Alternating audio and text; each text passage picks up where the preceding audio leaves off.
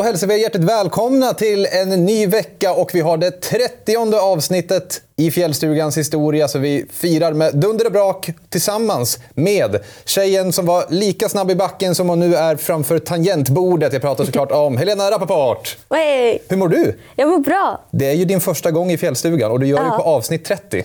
Ja, det är sjukt. Jag bor ju precis här så det är sjukt att jag inte fått inbjudan tidigare. Eller ja, får vi skämmas lite Ja, grann. Men eh, för de som inte har hängt med i svängarna. Du hängde fartdräkten här på hyllan Mm. i våras. Blir det. Ja, men, ja, knappt ett år sedan blir det ju. Ja, sjukt. Vad, eh, såklart speciella tider har det varit. Eh, Kanske inte gjort exakt det du hade tänkt dig att när jag slutar med racingkarriären då ska jag göra det här. Men hur har den här tiden sett ut för dig? Ehm, ja, men det har varit en jätteomställning. Alltså, det fattade jag delvis att det skulle vara, men kanske mer än vad jag kunde ana. Men det har såklart varit det för alla. Eh, jag har varit hemma jättemycket. Det såg jag fram emot, men det kanske varit lite för mycket ändå, måste jag säga. Eh, men det har varit bra och det känns eh, som att jag har tagit ett bra beslut faktiskt. Och det är skitkul att titta på alpint från sidan nu. Ja, du har den relationen och det är inte så här, oh, det där vill jag inte se på, på Nej, tag. nej, faktiskt inte. Jag, alltså, jag älskar skidåkning så mycket och jag tycker det är jävligt coolt med alpint. Så att jag vill gärna kolla. Härligt. Vi ska prata mer om det och mycket annat, för det är ju en VM-special. För vi har ju lyxen att både ha ett VM i Cortina och ett VM i Idre. Så det ska vi prata mycket om i dagens avsnitt. Men vi börjar med det som komma skall i Cortina. Så det blir dags för VM i Cortina.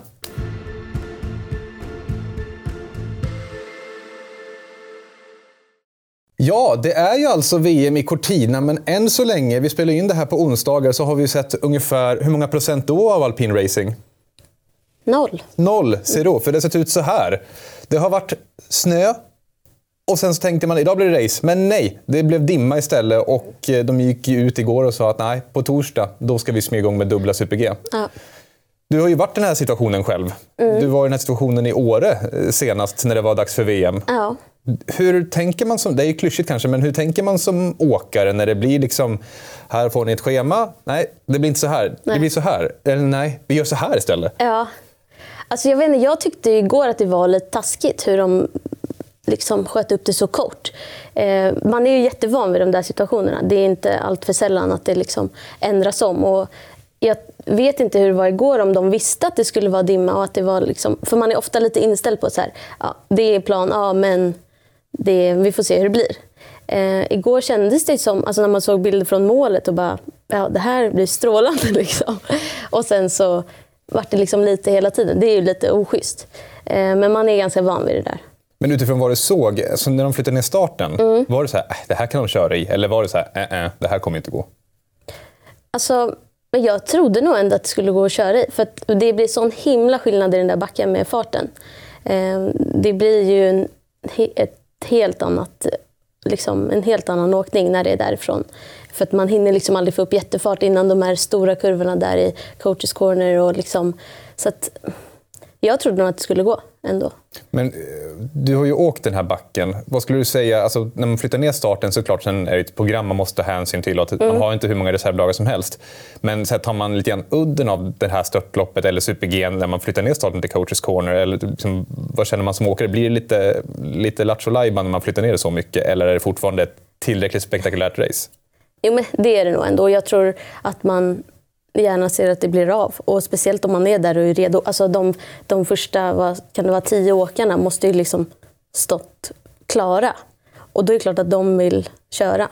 Men tror du att finns det en fördel för de rutinerade rävarna eller kanske de som är lite mer här, entusiastiska och nya in i det här, i just när det blir den här typen av förskjutningar? Mm, det, det är intressant. Jag tror att eh, kanske igår har man nytta av att eh, inte ha erfarenhet av det där allt för mycket. För att då liksom, man håller kvar peppen och man... Mm, ja, det är nog ganska lätt att man svävar iväg till att äh, det blir inget idag. För att man har varit med om det flera gånger. Eh, men energimässigt tills nu blev det inställt, det var inget idag, tills imorgon så tror jag absolut att med rutin så har man sparat mer energi till när det faktiskt blir tävling. Trots att man har kanske högre förväntningar på sig att du ska vara med och tempa om medaljerna. Ja, det tror jag faktiskt. För att man liksom ja, men man kan spara vid rätt eh, tillfälle energi och liksom, man vet hur man sätter igång det där igen. Man har gjort det förut. Till skillnad från om man är superladdad och så, och så får man inget före och sen så... Liksom, det är så mycket som såklart är med till ett stort mästerskap eh, energimässigt. Man är nervös och det är stora förväntningar. Och, ja.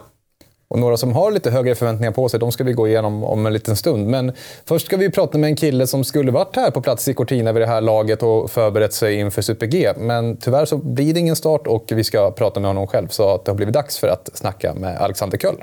Vi säger välkommen till fjällstugan, Alexander Köll. Hur är läget? Tack så mycket. Jo, men eh, det, det är helt okej. Okay. Det är bra. Vi nåddes av tråkiga besked här i veckan av att du inte kommer komma till start på grund av eh, besvär med nacken. Kan du utveckla lite grann vad det är som problemet ligger i? Problemet är ju det att eh, nacken är ju i princip... Det är ju kablarna mellan eh, dator och processor och, och de funkar inte riktigt på grund av då, om man nu vill kalla det whiplash eller, eller en, en, en nackskada. Så hela skadan är väldigt, väldigt komplex och eh, det gör helt enkelt att efter en viss belastningstid då eh, funkar hela systemet inte bra. Det är blodcirkulationen, det är synet som jag har besvär av och eh, kroppen mår helt enkelt eh, piss då. Så det var, det, det var därför jag inte kunde resa till Cortina för att tävla farten där nere. Det låter väl eh, klokt, måste jag ju säga. Men jag tänkte just, är, har det liksom kommit i vågor för dig? För jag menar, du körde ju ändå träningsåken i, i Kitzbühel. Eh, jo, det var ju så här efter kraschen i Val d'Isère, då var det ju mycket fix med tänderna. Vi fixade tänderna, körde många behandlingar, checkade allting neurologiskt, så allting neurologiskt i, i hjärna och huvud och så vidare var okej. Okay. Så där fick jag ju eh, fick jag ett course clear rätt så snabbt. Eh, sen försökte vi i, i gröden, men då märkte jag att, att man inte alls mådde bra. Det var hela kroppen blev översyrad väldigt, väldigt snabbt. Och det är inte en sån syra som man får när man blir trött. Det är mer en, en, en sån syra att man, usch, nej, kroppen den kollaberar, kollaberar nästan. Eh, så då liksom drog vi fallskärmen, eh, var hemma över julafton och eh, stod över Bormio. Och då körde vi väldigt mycket rehab, väldigt många olika behandlingstekniker för att få igång nacken igen då. Um, byggde upp hela konditionsträningen step by step igen. Sen efter nyår, då uh, började vi om på skidor, lite lätt friåkning, lätt GS och sen började vi med super-G. Och allting det funkade, funkade rätt så bra. Uh, men då var det alltid upp till en viss belastningsgräns så då var vi ute och tränade på 45-50 sekunder. Och det är det som jag skulle säga att, att kroppen håller. Mm. Men allting över sen i riktig risbelastning, det är en, en helt annan historia. Eh, och då var ju Kids som sagt första tävlingen som vi, som vi testade. För att vi visste inte hur, hur, vad som kommer hända då. Och då märkte vi ganska så snabbt att, att det helt enkelt inte håller, att kroppen inte är redo för det.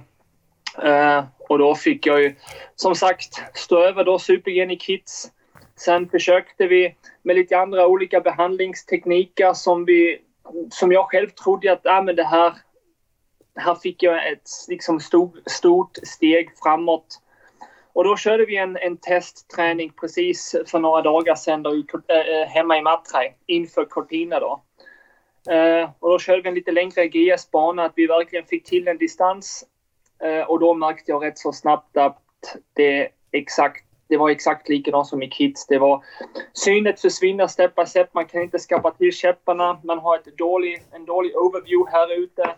Och sen eh, äh, mår kroppen helt enkelt inte bra. Så det gjorde ju att det var enkelt att ta det där beslutet att inte resa till ett VM. Men samtidigt är det självklart ett brutalt tufft beslut att göra för att man vill ju såklart gärna vill, uh, vara med och, och, och fighta där nere. Mm, jag förstår. Men hur ser du på, det kanske är svårt att uttala sig i dagsläget, men eh, har vi, kan vi ha förhoppningar om att vi kommer få se dig i, i återstoden av världscupsäsongen eh, när det väl går igång efter mästerskapet? Eller hur ser din eh, återkomst ut i dagsläget? Eh, jag kan väl säga så här att fram tills för några dagar sedan har jag försökt allt och komma igång så snabbt som möjligt. Och det har ju visat att det i princip inte funkade för att kroppen helt enkelt inte är redo. Eh, så målet såklart det att vara tillbaka i Kvitfäll. Men eh, jag kommer inte stressa kroppen för att det är första gången faktiskt i mitt liv där man har märkt att där kommer man inte, emot kroppen kommer man inte, inte vinna. Det är den som säger om det funkar eller inte. Mm. Om man nu har en skada, har lite ont någonstans, ja men där kan man gå över gränsen eh, och prestera på den nivån som man kan. Men när kroppen, när hela systemet säger nej, då, då är det helt enkelt startstopp. Och det, det har jag lärt mig och det får jag acceptera. Mm. Det låter väl klokt? Ja, det låter klokt.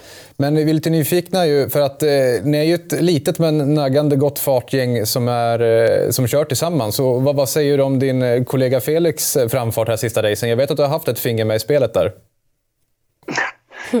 ja, han kör helt fantastiskt just nu. Han är i sitt livsform. Och eh, nej, jag ser väldigt fram emot att se honom tävla i Cortina. Han är en, en cool kille. Han har coolheten på start. Han är en killer.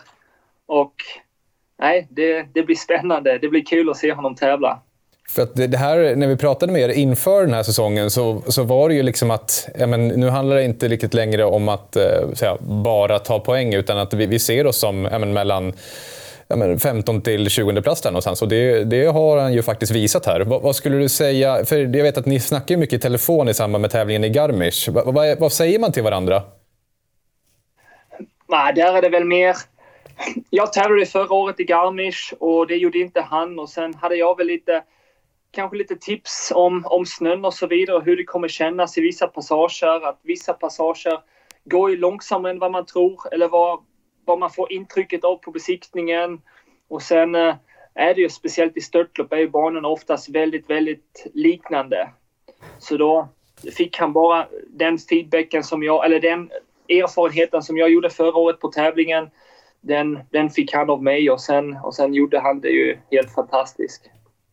Och vad har du, det är ju ett nytt störtloppshang som de ska ge sig an här i Cortina. Jag, tror, jag har inte italienska ordet, men det kallas ju för Vertigo i alla fall. Ja. Eh, vad, hur tror du det passar de svenska åkarna, skulle du säga? Faktiskt, det tror jag. Eh, jag skulle väl säga det är väldigt liknande Åre. Lite den stilen. Eh, kanske inte kanske inte en riktig störtloppsklassiker som vi har i Kitzel i Wengen och så vidare, Bormio. Det är väl mer Åre-style. Jag tror inte att snön kommer ha lika mycket, lika mycket vatten. Eh, det betyder att det kommer vara kompakt, men det kommer inte vara brutal isigt. Och sen ligger ju hela hanget på solsidan också. Um, som är otypisk fart herrvärldscup. För att där ligger man ju oftast verkligen i skuggan. Så det kommer vara en skillnad. Så jag skulle säga det är lite Åra-karaktär på den backen. Mm, det låter ju ändå lovande. Det låter bra. Men eh, vi måste ju höra ändå från någon som, tänker att om det är någon som har liksom, bra känsla för vilka det här kommer passa på allvar. Om du skulle liksom säga, vem tror du kommer panga hem störtlopp och Super-G-racet på här sidan? Uh, Felix. Där har vi det. Nej, men Felix han är, han är, han är en underdog. Han är en jägare. Men uh, jag skulle väl säga favoriten helt klart för störtloppet är Mattias Meyer i mina ögon. Beat Voigt såklart får man alltid, aldrig räkna bort. Och sen i Super-G, eh, ja men då har de sista tävlingarna visat. Krishma vinner en brutal form. Men eh, jag tipsar lite mer på Mattias Meyer. Han, kan, han, är, han är nog vassast på plats. Härligt, då har vi ett experttips. Du Alexander, tusen tack för att vi fick prata med dig och väldigt trist att vi inte får se dig i Cortina, men vi, vi ser fram emot när du är hel och frisk att återse dig i backarna igen. Tack så mycket Erik. Ha det gott så hörs vi. Ciao! Bra. Och ciao Hej. Helena! Hej då! Vad säger du om det han säger? Det, vi var inne på att det är klokt att han låter säga, kroppen ja. växa ihop innan han ger sig an det här igen. Ja, men det är ju verkligen det. Och så här, får man sådana tydliga tecken så kan man inte åka störtlopp. Det är liksom för stora risker att ge sig ut om man inte ser ordentligt. Och, och liksom, ja, men han verkar ju tydligt få signaler från sin kropp. Så mm. jag tycker det låter jättemoget. Och det är klart att det tar emot att inte ställa upp på ett mästerskap. Men ja, det är som det Och det är också en sån skada som det bara är att vänta ut. De försöker allt de kan, men det kanske är bara några veckor till, eller så är det resten av säsongen. Mm. Det blir, återstår att se. För det, är ju, det är också, måste ju vara påfrestande. Det är en sak om du ser att ja, men armen är ja, trasig, jag har ett gips. Liksom. Mm. Då, då, kan man ju någonstans se. Men just när det är någonting som sitter i nacken ja. som du inte kan liksom, enkelt mäta bärigheten i om det är gott nog, utan du måste gå på en känsla, måste ju vara väldigt frustrerande. Det är jättesvårt. Jätte, jättesvårt. Och vi var ju inne på Felix Månsén. Mm. Eh, jag tänker att du, det är ju en kille som du också känner väldigt väl. Mm. Ni har ju, dels är ni ju, ni är ju födda samma år, mm. eller hur? Mm. Och dessutom har ni ju arrangerat fartläger ihop. Och jag tänker vi ska kolla lite grann på grafiken och jämföra just vad han presterade i fjol kontra i år. Och så får du gärna, eh, ni har ju en, ja. en bra kontakt. Mm. Och jag har ju tidigare hävdat att jag kan se en, eh, en progression både mentalt, fysiskt eh, men också liksom personligt hos Felix. Det känns som att han har vuxit ja. väldigt mycket. Håller du med om det eller ute och cyklar? Nej, eh, inte ute och cyklar. Jag tycker det låter... Eller det, jag håller med. Eh, men jag tror ju att den här progressionen faktiskt var mer än inför den här säsongen. Jag tror att den var kanske snarare inför förra säsongen och kanske ännu tidigare. Men att tillfälligheter har gjort att liksom, han inte har fått den utväxling som han har varit kapabel till.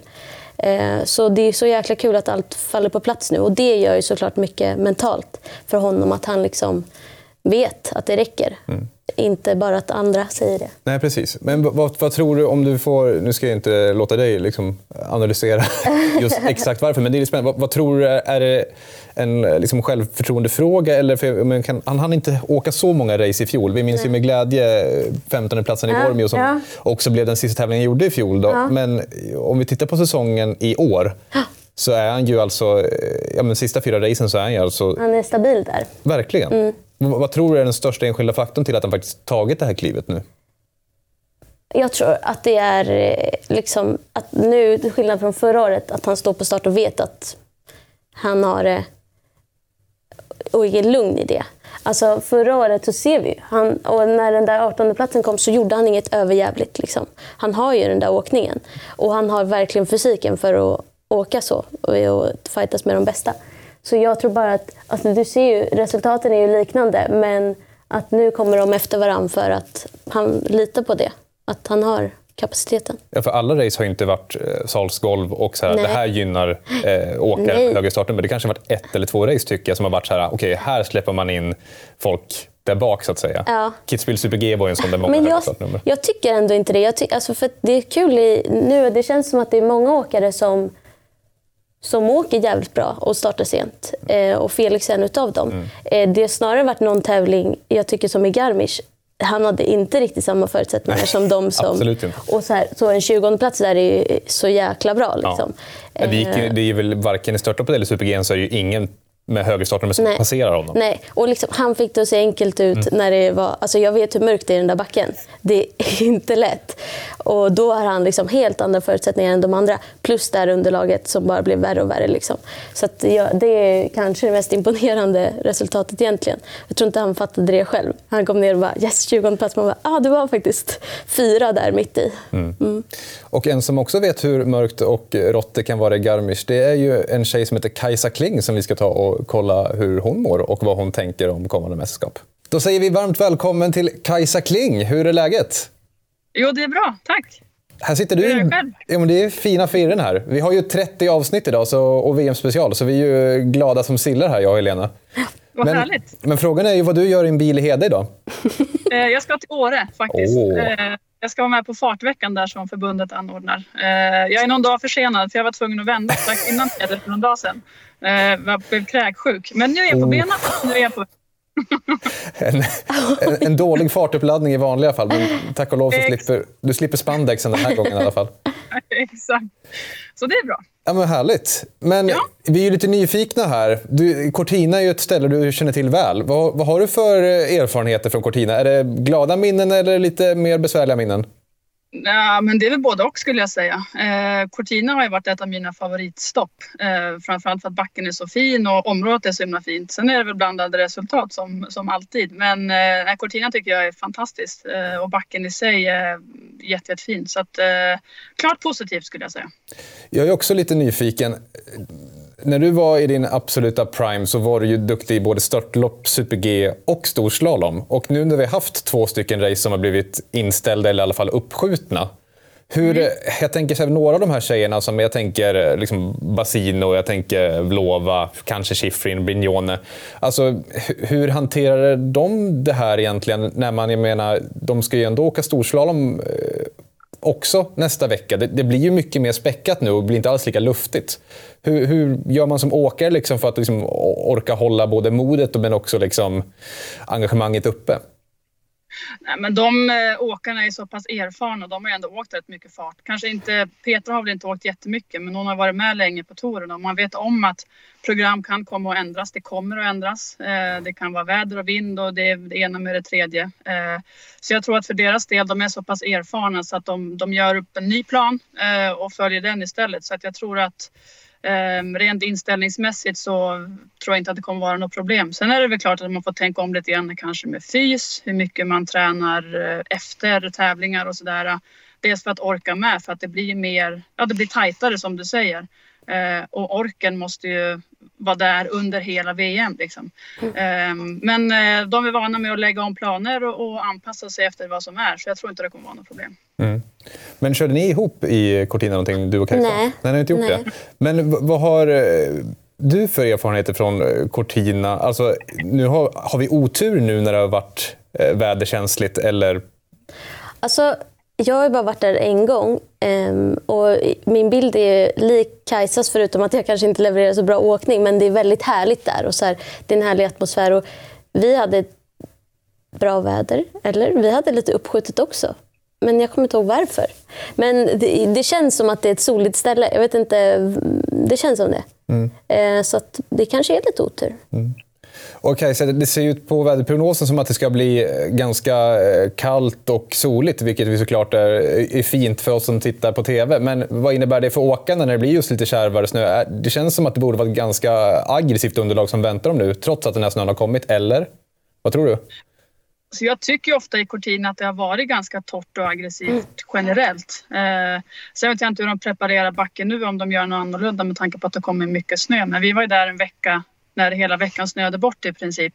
Och de flyttade fram allting en vecka. Eh, men ja, även fast det kom mycket snö då så var det fortfarande det här torra, kompakta liksom.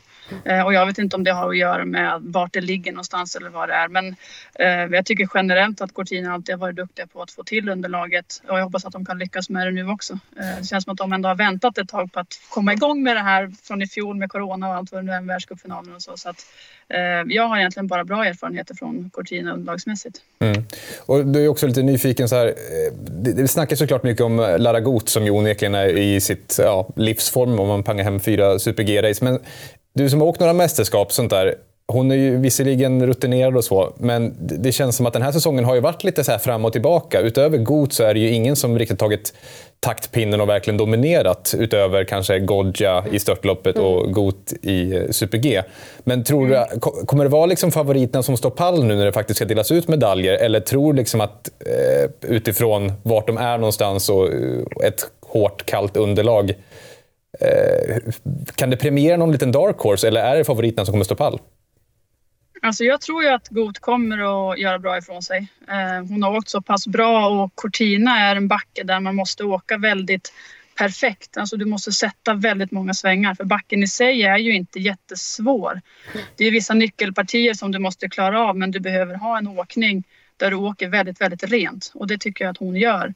Eh, så jag skulle säga att hon är favoriten. Och sen har jag faktiskt satt en liten peng på Basino. Mm -hmm. Just för att hon har den här storslalomåkningen i sig. Det är ganska många ja, partier där man måste vara väldigt aktiv i åkningen och ha lite mer den här storslalom-feelingen och då tror jag att hon kommer att kunna steppa upp. Och så när det är hemma-VM, hon känns som att hon eh, ja, men taggar till lite extra när hon är hemma. Så att jag tror att hon kommer att göra ifrån sig.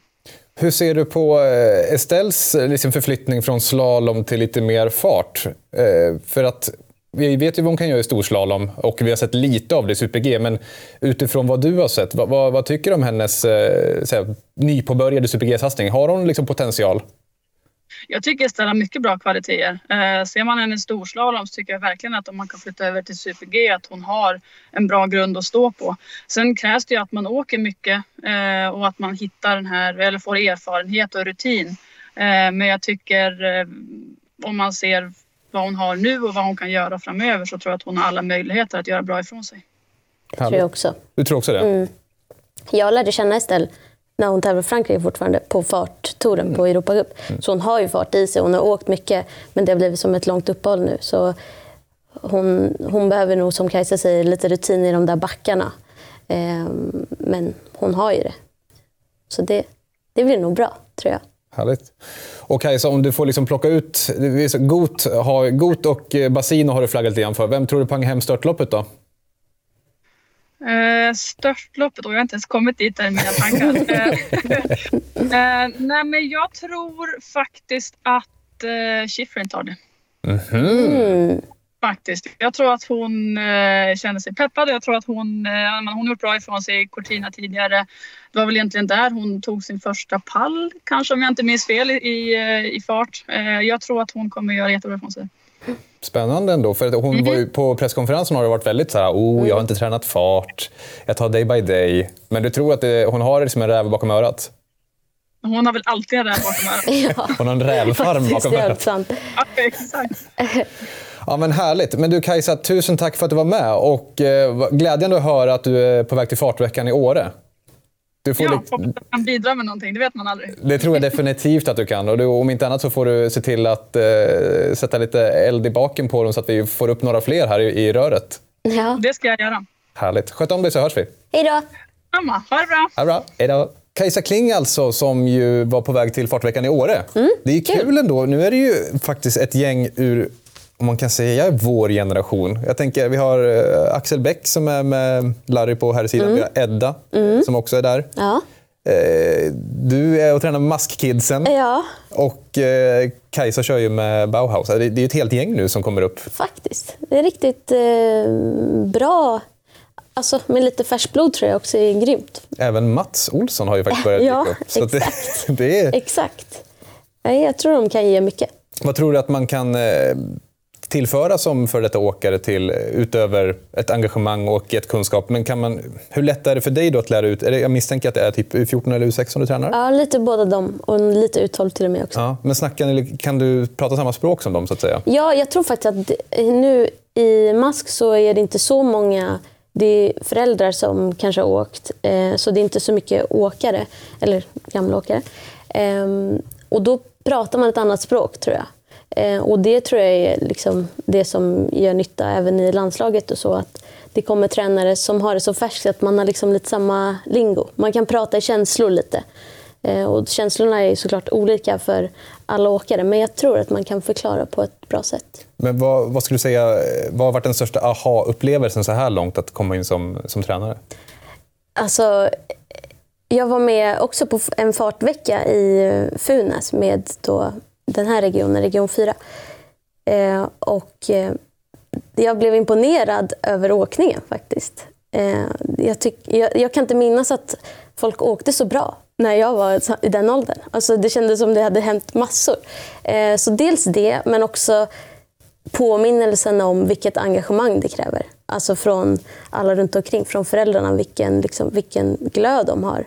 Och så var det ju när jag åkte också, men man glömmer lätt det. Mm. Tar du chansen då att liksom visa ett snyggt grupperat hopp? Nej, jag satte på mig eh, myspjäxor så jag vågar inte visa någonting.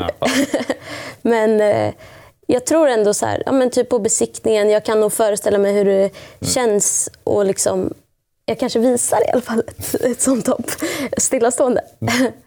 Och en som också har lagt skidorna på hyllan, det är ju den här mannen. Ted Ligety annonserade här om dagen, eller ja, snarare igår då, att nu är det slut på VM i Cortina storslalom. Det är mitt sista race i karriären. Och han är ju en kille som ju onekligen både presterat i backen, men han har ju också varit en ganska färgstark profil. Vad har du verkligen. för, eh, säga, när man säger Ligety, vad tänker du då? Alltså, ärligt tänker jag bara att han åker så snyggt. Vi, vi, åker, vi tappar Passande den bild. som åker... Ja, mycket passande bild. Nej, men han, alltså, han åker ju faktiskt jätte, jättesnyggt. Eh, Och även nu när det går lite långsamt senaste tiden här. Så han man ser ju att han åker runt och fint, liksom. men han åker snyggt. Jag tror vi ska ha en bild också just på det som någonstans gjorde honom lite känd också. Det var ju det att han, han kallade sig för Arc City Mayor av eh, Slalom Tokyo Drift. Det var ju massiva vinklar som var hans absoluta signum. Ja. Och jag tror att det här kanske är året då han ju faktiskt eh, vann med ja, var det 2,75 tror jag, om jag inte ute och cyklar. Mm. Vann alltså premiären i Sölden och hade ju, ledde med 2,40 Alta Badia eh, 2012 tror jag det var. Oh, shit, vad det minns. Ja. Men eh, det är en färgstark profil som slutar.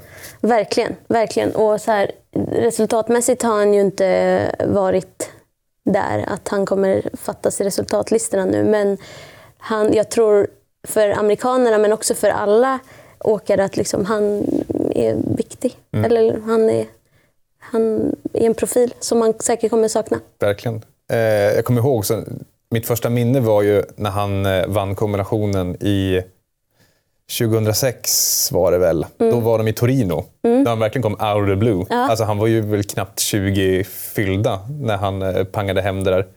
Och sen dess har han ju verkligen varit där och en, ja. en stor slalomfantom av Guds nåde. Men vi ska kolla också på, han har ju också varit lika flitig i backen, så han har också varit ganska flitig vid tangentbordet.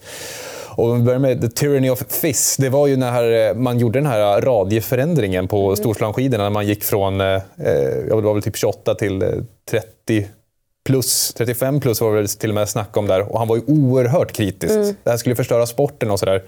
Men han lyckades ju onekligen eh, bemästra de där traktorerna till skidor som de hade där två säsonger. Ja. Och, eh, Bäst av alla ju. Ja, verkligen. 2017 så hamnade jag också lite grann i blåsväder. För att det vi ser där är alltså när man eh, ställde in premiären i Sölden. Och det här var ju året då eh, Marcel Hirscher ju hade skadat benet. Ja. Jag vet inte om du kommer ihåg det, när han typ gränslade och bröt det. Just det. Och eh, jag var ju på plats där då, om jag inte ute och cyklar, för det blåste ju något så fruktansvärt. Men han kunde inte hålla sig, utan han, det här var en komplott.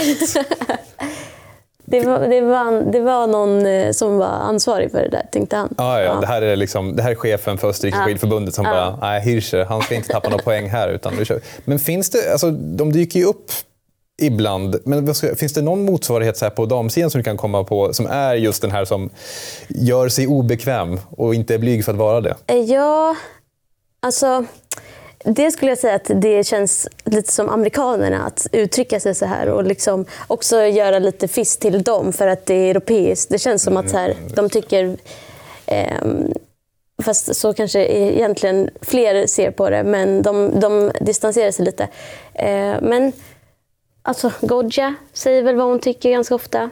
Vem var det? det var ju någon i Levi som faktiskt tog talan lite för svenskorna. Ja, Brignone. Brignone, just det. det kan, italienskorna kanske också har den där... Eh, liksom, de är lite frispråkiga. De är inte rädda för att eh, speak out nej, de tycker att nej. är fel. Nej, jag tänker det. Men annars, det fattas ju kanske någon som verkligen, liksom, som Henrik Kristoffersen är lite också i den där kategorin, vågar säga. Um, kanske inte riktigt på samma sätt. Mm. Vi ska ta och eh, kolla också på Fish Predictor Challenge som rullar vidare och vi kommer att ha en liten samling här under eh, VM. Nu vet jag att det har strulat lite grann med att tippa tekniken men håll i hatten. Det ska vara löst till nästa vecka har de lovat. Så att, eh, tippa farten, den ska gå att fortsätta tippa. Men så tar vi tekniken nästa vecka. För i Garmisch när det begav sig, då var det Axel som eh, stoltserade med 575 poäng. Vilket innebär att du har en kopp att hämta. Så skicka ett eh, mejl till erik.segerstrom.skidor.com eller skicka ett DM på Instagram eller liknande så ser vi till att vi får din adress. Och vi ska även kolla totalställningen där det är Keisu som fortsatt håller i ledarpositionen med 8596 pinnar. Det var allt vi hade att bjuda på från Cortina. Vi ska snabbt ge oss vidare till hemmaplan i Idre. Det har blivit dags för skikross-VM i Idre.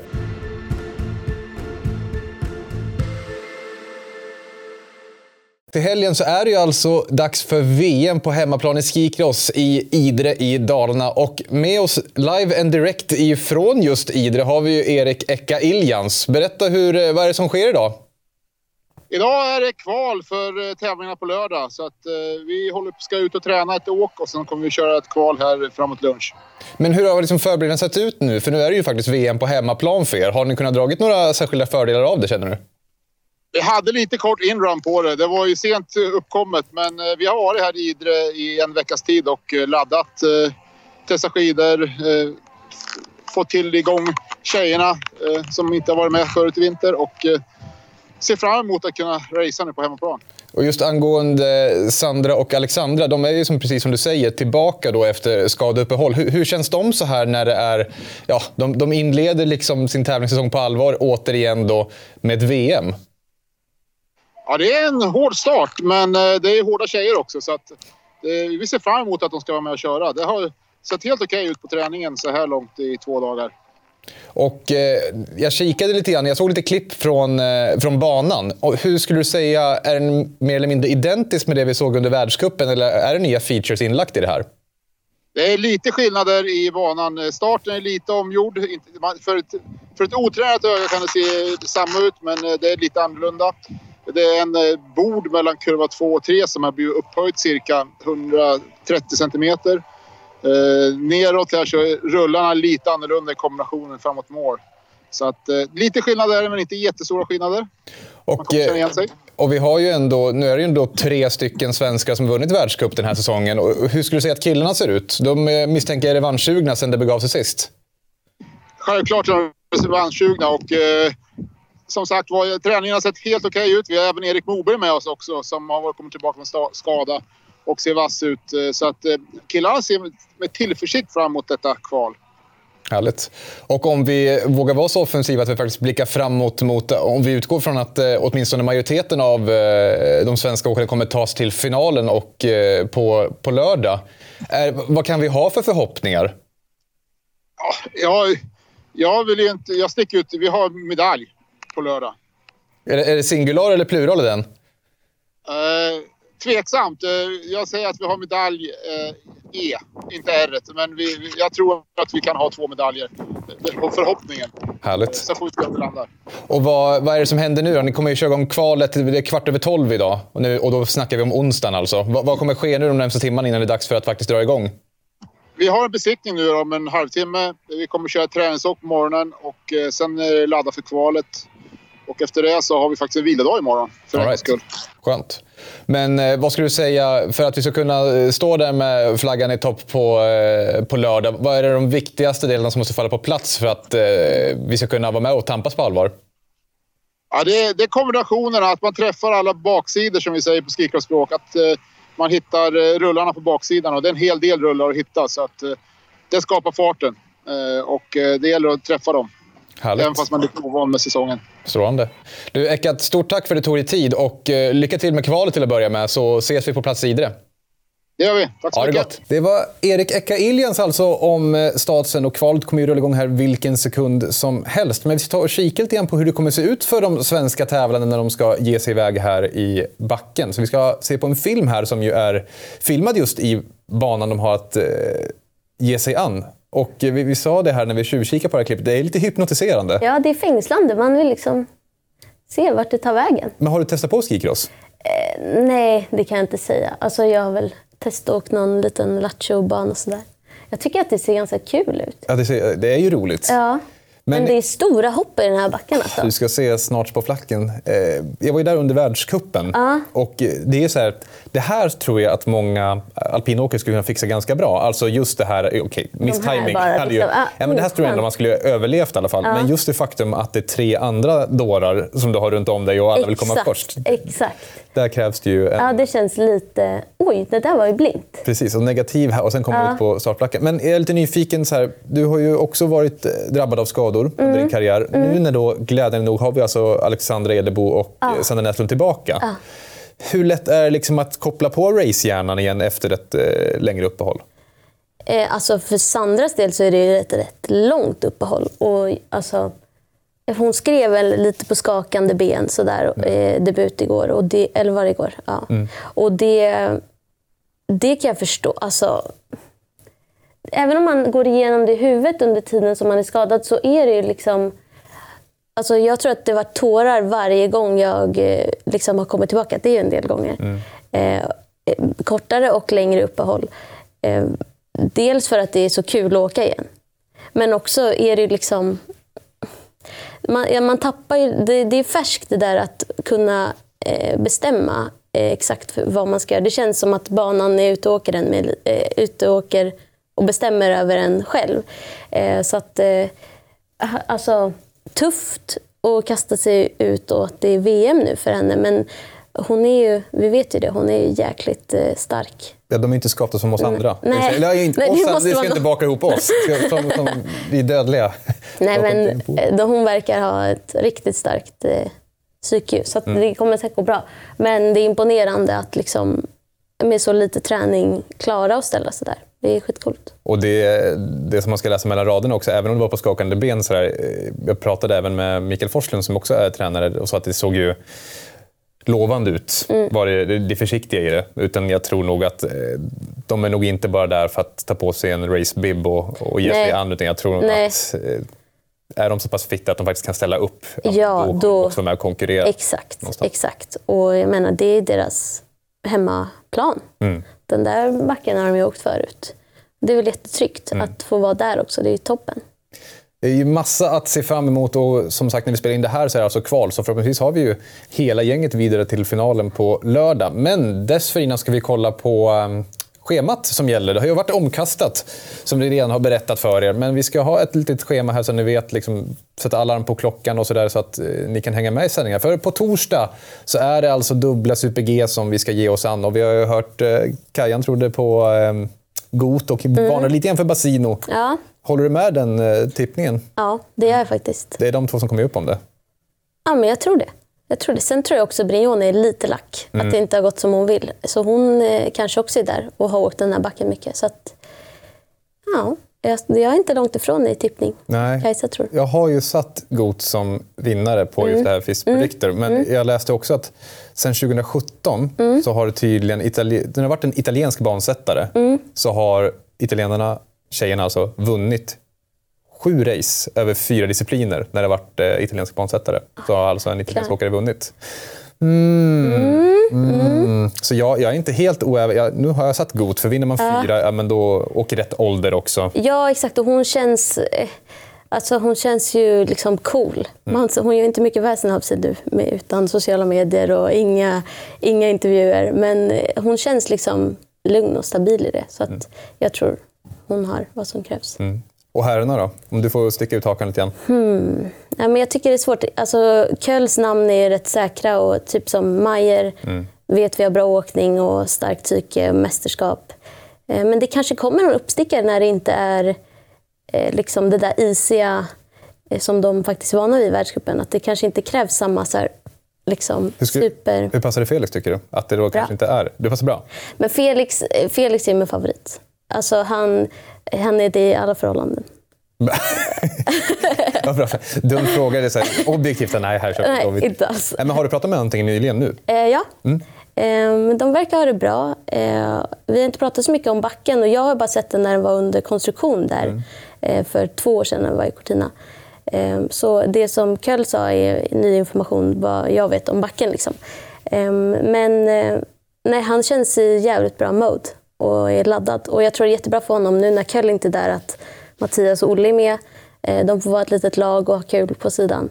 Eh, nej, det känns som han är taggad. Lite rolig fun fact var ju att när de byggde banan så eh, finns det en passage som är tillägnad den forna storåkaren Christian Gedina. Mhm. Och han sa det, om ni ska använda mitt namn då måste du ha minst ett flyg som är 50-60 meter. Då sätter man ändå en viss ribba. Liksom. Ja, då sätter man en ribba. Ja. Men det, jag har förstått som att det kommer ändå gå ganska fort för dem i det här nya hanget. Och Men du, det du var är- där var det smalt sa du? Ja, och det, det är ganska brant. Mm. Ehm, så som jag minns det, i alla fall i första delen. Ehm, och då var det smalt, men det sa jag till Felix, är det fortfarande så där jävla smalt? Men det var, de har tydligen breddat eh, sen dess. Så att, eh, no, det måste ju vara ganska tufft ändå. Det tror jag nog det kommer vara. Det är många frågetecken, men det är också många utropstecken hoppas vi på. Det var allt vi hade att bjuda på den här veckan från VM Special, Fjällstugans 30 program. Tack Helena för att du var med oss. Tack Erik för att jag fick vara här. tack för att ni har tittat. Må så gott så ses vi om en vecka. Hej då! Hej då!